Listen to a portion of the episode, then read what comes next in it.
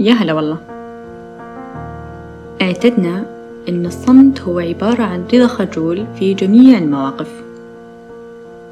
وفي الحقيقة أن الصمت عمره ما كان رضا من منظوري أو حتى رد.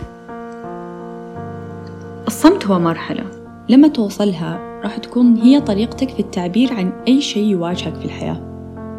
وغالبا المرحلة هذه توصلها بعد ما كنت بمرحلة مختلفة تماما عنها. لما كنت في مرحلة الإيمان إن الجميع فاهم أنت إيش تقول وإعطاء الجميع حق سواء يستاهلوا ولا لا. المرحلة اللي كنت ترد فيها على كل كلمة تنقال لك أو عليك اللي كنت تعبر فيها عن آرائك ومعتقداتك عند أي أحد. وتعطي وقتك وجهدك للي قدامك مهما كانت درجة تفكير دنيا بعدين تصحى فجأة وتستوعب إنه سكوتك أبلغ بكثير من أي كلمة ممكن تقال منك وما تتثمن من اللي قدامك. وحتى بالمواقف الإيجابية سكوتك فيها يكون أوجب من إنك تحاول توصف شيء ما راح تعطيه حقه في الكلام. في مقولة شهيرة لجورج برانشو يقول إنه الصمت يمنحك متعة التنزه في عقول الآخرين يعني لما تكون المجموعة كلها تتكلم بنفس الوقت أنت لازم تسكت.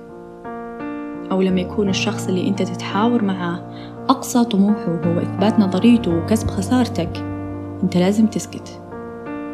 لما تنفهم غلط بشكل متكرر ومتعمد لازم تسكت.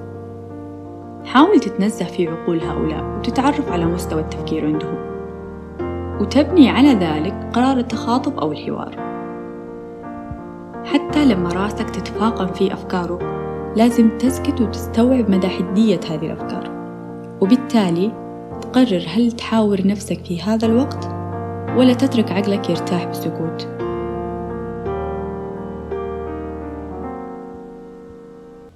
الكلام أحيان يورث الحسايف بس السكوت دائما هو الحياد وما يورثك إلا الرضا.